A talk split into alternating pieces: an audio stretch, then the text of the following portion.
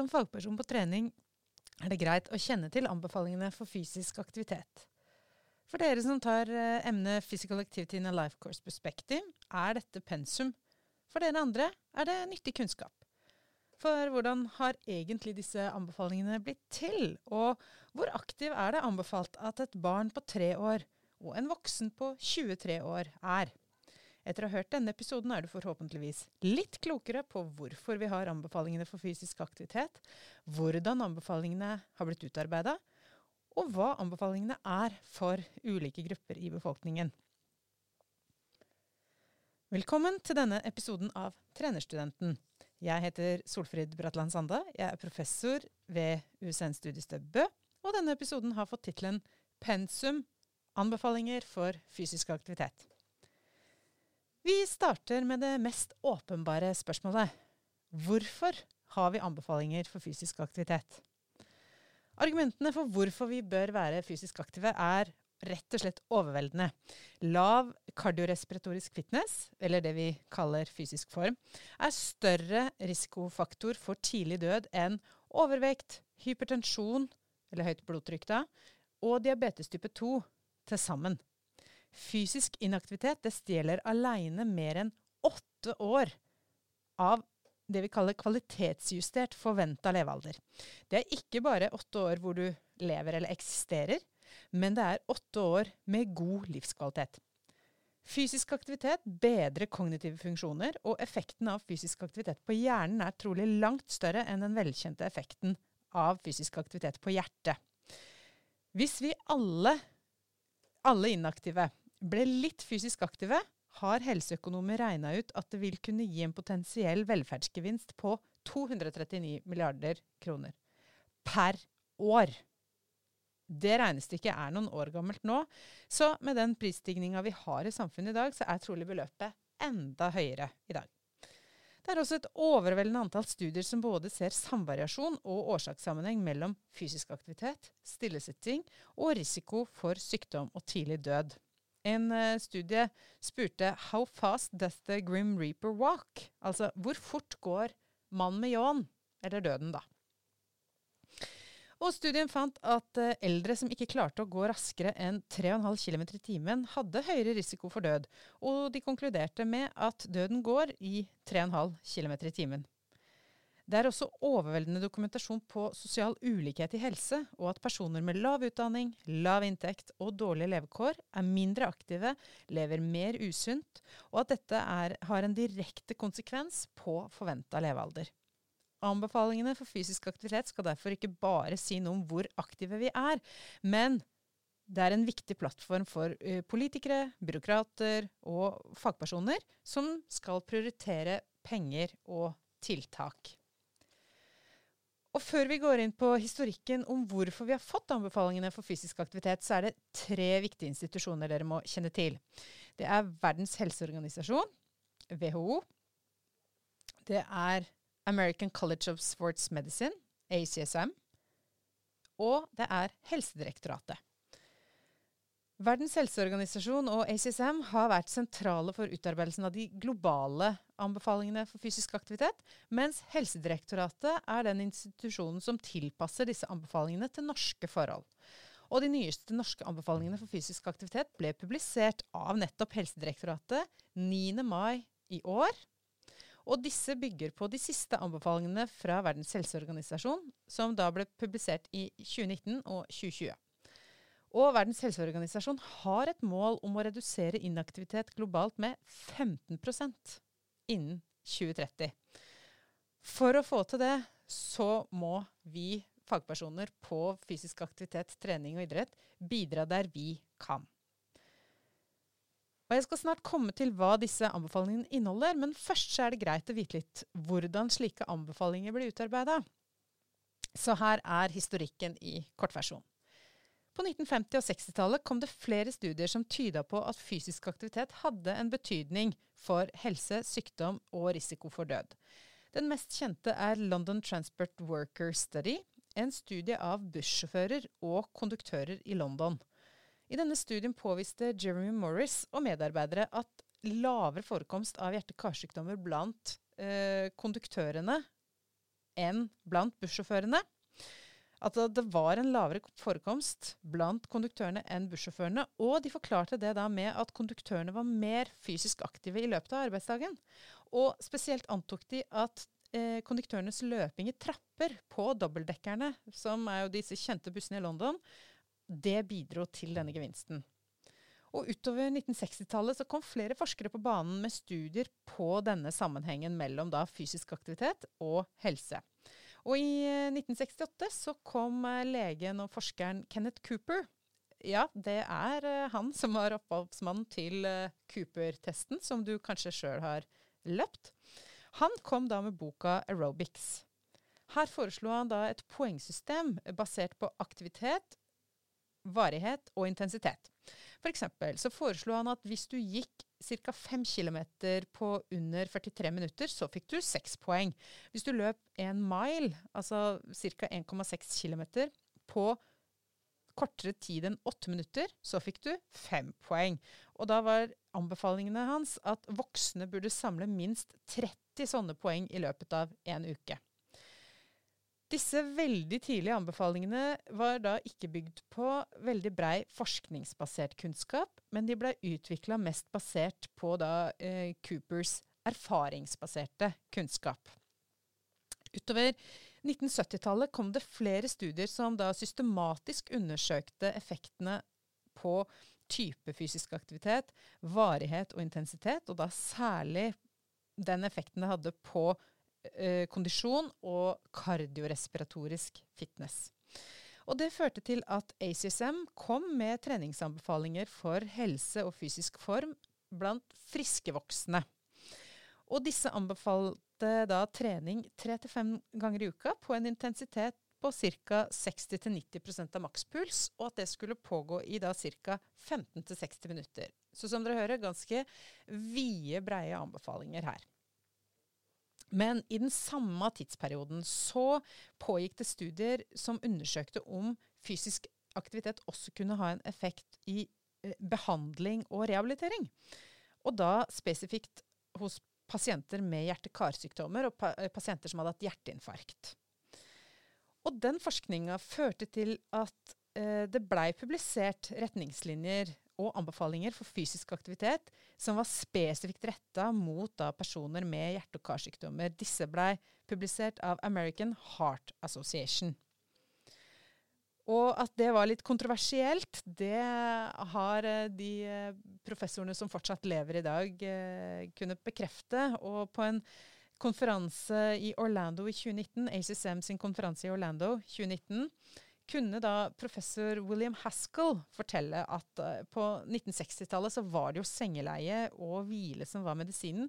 Og de legene som først eksperimenterte med å bruke fysisk aktivitet for pasientene som hadde et hjerteinfarkt, de ble sett på som veldig radikale og nesten eh, uforsiktige med pasientene sine. Eh, og han fortalte at det var en sånn holdning blant uh, som, at de ble møtt med en holdning om at you are really trying to kill your patient. Så har jo historien vist oss at fysisk aktivitet trumfer sengeleie for en rekke andre lidelser også.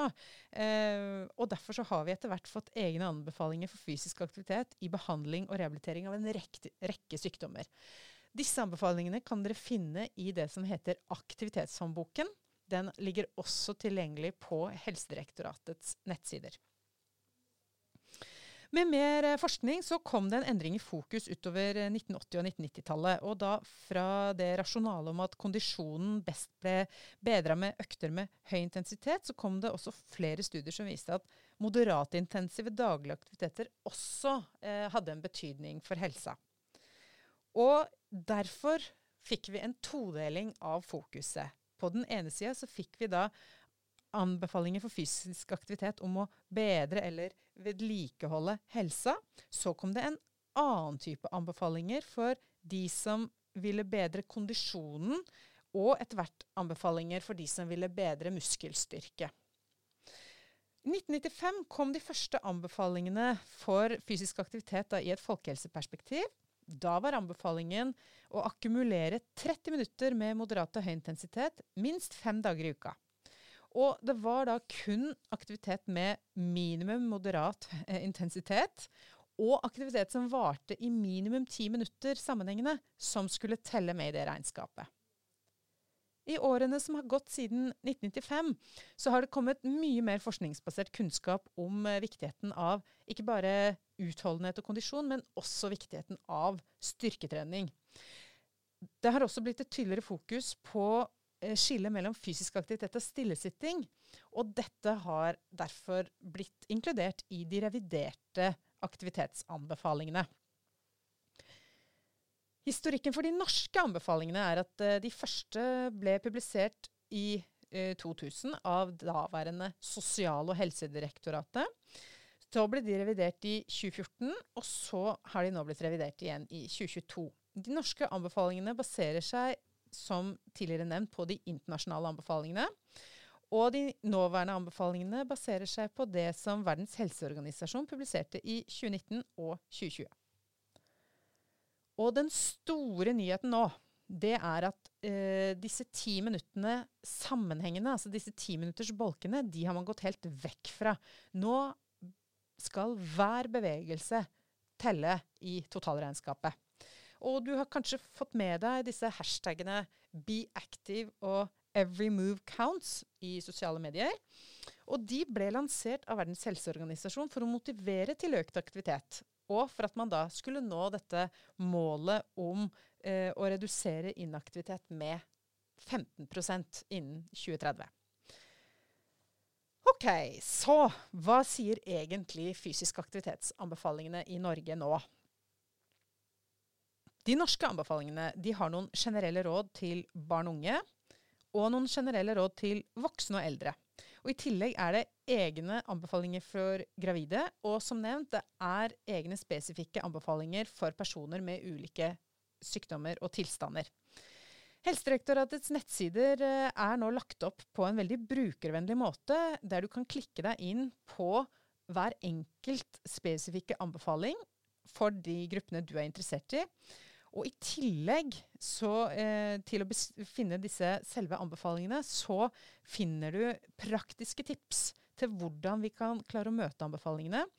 Og du finner også dokumentasjon på kunnskapsgrunnlaget som anbefalingen bygger på. Disse nettsidene legger vi link til i beskrivelsen av denne episoden, så du enkelt kan finne de. Hvis vi starter med de generelle anbefalingene for barn og unge, så har de endra seg fra at det var like anbefalinger for alle barn under 18 år, til at de nå er inndelt etter barnas alder. For barn under ett år så er det to anbefalinger som gjelder. Det anbefales jevn aktivitet gjennom hele dagen, gjerne da gjennom lek og samspill. Og det anbefales begrenset tid i ro og i dette ligger det også å begrense og unngå skjermbruk. For barn i alderen ett til fem år er det også to anbefalinger. Nummer én barna bør være minst tre timer i allsidig fysisk aktivitet hver dag. Og to det anbefales å begrense stillesetting, og det anbefales bruk, eh, begrense bruk av skjerm. For barn under to år anbefales det å unngå skjermbruk. For barn i alderen to til fem år bør skjermbruk begrenses til ca. en time om dagen. Mange barn i denne aldersgruppa er jo i barnehage, og derfor er de rådene ekstra viktige å være klar over for f.eks. barnehageansatte. Og noen barn i den aldersgruppa har også sine første møter med eh, fritidsaktiviteter som f.eks. barneidrett, turlag, eh, sang, musikk. Og vi som eh, trenere for grupper i denne alderen kan eh, bevisstgjøre foreldrene på disse fysisk aktivitetsanbefalingene. For barna i skolealder, eh, dvs. Si barna i alderen 6-17 år, så er det også to anbefalinger som gjelder. Det er minst én time daglig fysisk aktivitet med moderat og høy intensitet. Og to begrense stillesittende tid. I denne aldersgruppa er det ingen anbefalte tidsbegrensninger for skjermbruk, men det anbefales å begrense det som kalles passiv skjermbruk, f.eks. scrolling på telefonen. Og eh, passiv skjermbruk er eh, definert som det som ikke utfordrer verken kondisjonen din, eh, eller fysikken din, eller kognisjonen, altså eh, tankevirksomheten din. Disse anbefalingene er det viktig at alle ansatte i skole og skolefritidsordning kjenner til. Og det er nyttig at vi som er trenere i idretten f.eks., kan formidle disse anbefalingene til eh, foreldre. For voksne så er det fire generelle anbefalinger, og to av de er ekstra, eh, det er ekstra to anbefalinger for da voksne over 65 år. De fire generelle anbefalingene er én Voksne bør, alle voksne bør være regelmessig fysisk aktive. Punkt to. Vi bør være fysisk aktive minst 150-300 minutter per uke med moderat intensitet, eller 75-150 minutter per uke med høy intensitet. Tre. Vi bør begrense stillesitting. Og fire. Der den retter seg mot voksne som sitter mye stille, f.eks. som del av jobben sin. De som sitter mye stille i løpet av en dag, de bør kompensere for det med å være aktive minst 300 minutter med moderat intensitet eller 150 minutter per uke med høy intensitet. Og for voksne over 65 år så gjentas de to anbefalingene om eh, samme anbefalte aktivitetsmengde som for voksne, og at personer som sitter mye stille i løpet av en dag, må kompensere for det med da, et høyere aktivitetsnivå. Og disse anbefalingene er det viktig å være klar over uansett om vi jobber med fysisk aktivitet, trening eller idrett inn mot den voksne befolkningen. Den siste gruppa eh, som jeg vil eh, introdusere kort, det er gravide. De anbefales å være regelmessig fysisk aktive. De bør trene styrke på bekkenbunnsmuskulatur, og de bør også begrense stillesitting. Som dere kanskje har uh, fått med dere nå i disse uh, anbefalingene, så er det et fokus på minimumsmengde fysisk aktivitet. Og noen av dere lurer da kanskje på men fins det noen maksbegrensning for hvor fysisk aktive vi bør være? Og til det så er svaret nei. Det fins ingen maksbegrensning. Men det vi vet er at det er mest helsegevinst og størst økning i fysisk form for inaktive som kommer i gang med aktivitet. Og det gjelder enten det er barn, ungdom, voksne, eldre. Det er heller ikke påvist noen ekstra helsegevinst av eh, f.eks. utover én time daglig fysisk aktivitet for voksne. Men hvis du skal bedre fysisk form eller fysiske egenskaper i en spesifikk idrett, så kan det selvfølgelig være behov for mye større mengder med trening. Da er det viktig Husk på treningslæreprinsippene at jo mer fysisk aktive vi er, jo viktigere er prinsippet om restitusjon. Så restitusjonsfaktorer som søvn, hvile og ernæring blir viktigere og viktigere jo mer aktive vi er i løpet av en dag. Dette vil jo selvfølgelig være viktige aspekter for oss fagpersoner innen idrett og trening, enten vi jobber med hardt satsende utøvere eller bare entusiastiske og iherdige mosjonister. For å oppsummere anbefalingene for fysisk aktivitet så er det altså anbefalinger om hvor aktive vi bør være, og at vi bør begrense stillesitting. For barn er det også anbefalinger om begrensning av skjermbruk. De konkrete anbefalingene varierer litt med aldersgrupper blant barn, og for voksne med f.eks. kontorjobb, sjåførjobb eller andre stillesittende yrker. Husk også at hver bevegelse teller, og derfor er alt vi gjør, bedre enn ingenting.